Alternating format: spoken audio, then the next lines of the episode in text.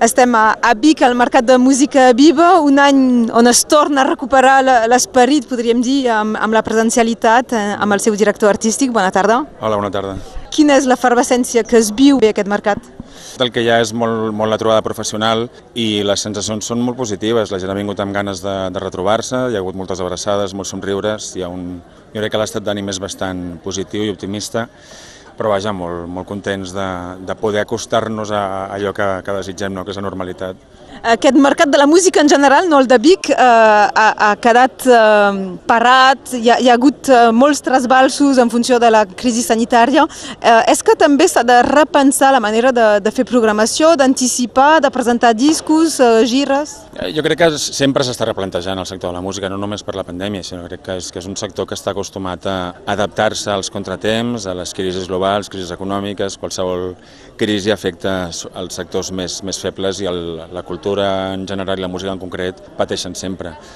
Aleshores, sempre, sempre, com dic, sempre s'ha de buscar una altra manera de fer les coses però segurament ara més que mai, i no només en la música, sinó en general de, de com vivim, com ens plantegem les coses. No sé si és en un tema d'avançar i de preveure, sinó de, de... Bueno, una de les coses que s'ha après aquests temps és de mirar, posar el focus en, en, el, en els artistes locals, en donar suport a l'escena local, i crec que és una cosa que es pot, que es pot mantenir, és a dir, no prescindir del, de les visites internacionals ni de les gires internacionals, però, però és molt interessant aprofitar aquesta, aquesta inèrcia que hi ha hagut aquests, aquest any i mig de propostes molt locals. I el verdader paper del públic, és a dir, que té, que té un, un rol, eh, una, un espectacle gravat, no és el mateix que quan hi ha un, un públic a davant. No, és clar, és, és molt diferent. Sí que l'artista fa tot l'esforç possible per, per transmetre a través d'una pantalla, però no, el que la música és una cosa molt física, en realitat. Les vibracions que arriben al cos es noten a la pell i, i la comunicació directa és molt diferent que la comunicació a través d'una pantalla.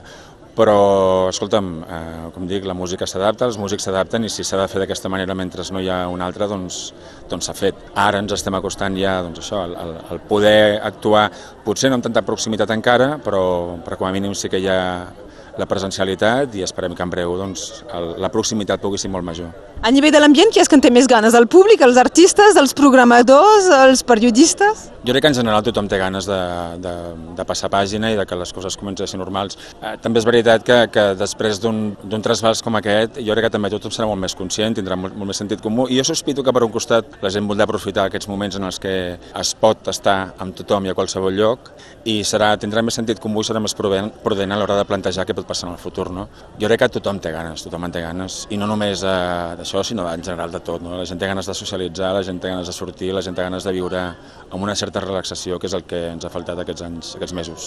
Quan hem comparat la situació per, a Perpinyà dels eh, artistes a Catalunya Nord o, o, o Sud, eh, s'ha vist que l'estat francès s'ha tancat molt més la, les sales i, i la gent reclamava, era una de les coses que, que volia recuperar, poder anar al cinema, al, al teatre, als concerts. Sí, clar, això cada, cada país, fins i tot en el cas de, en el cas de l'estat espanyol, cada, cada comunitat autònoma ha pres decisions diferents i això ha tingut també repercussions diferents en, en, bueno, això, en com s'han pogut organitzar els, els concerts i qualsevol activitat cultural.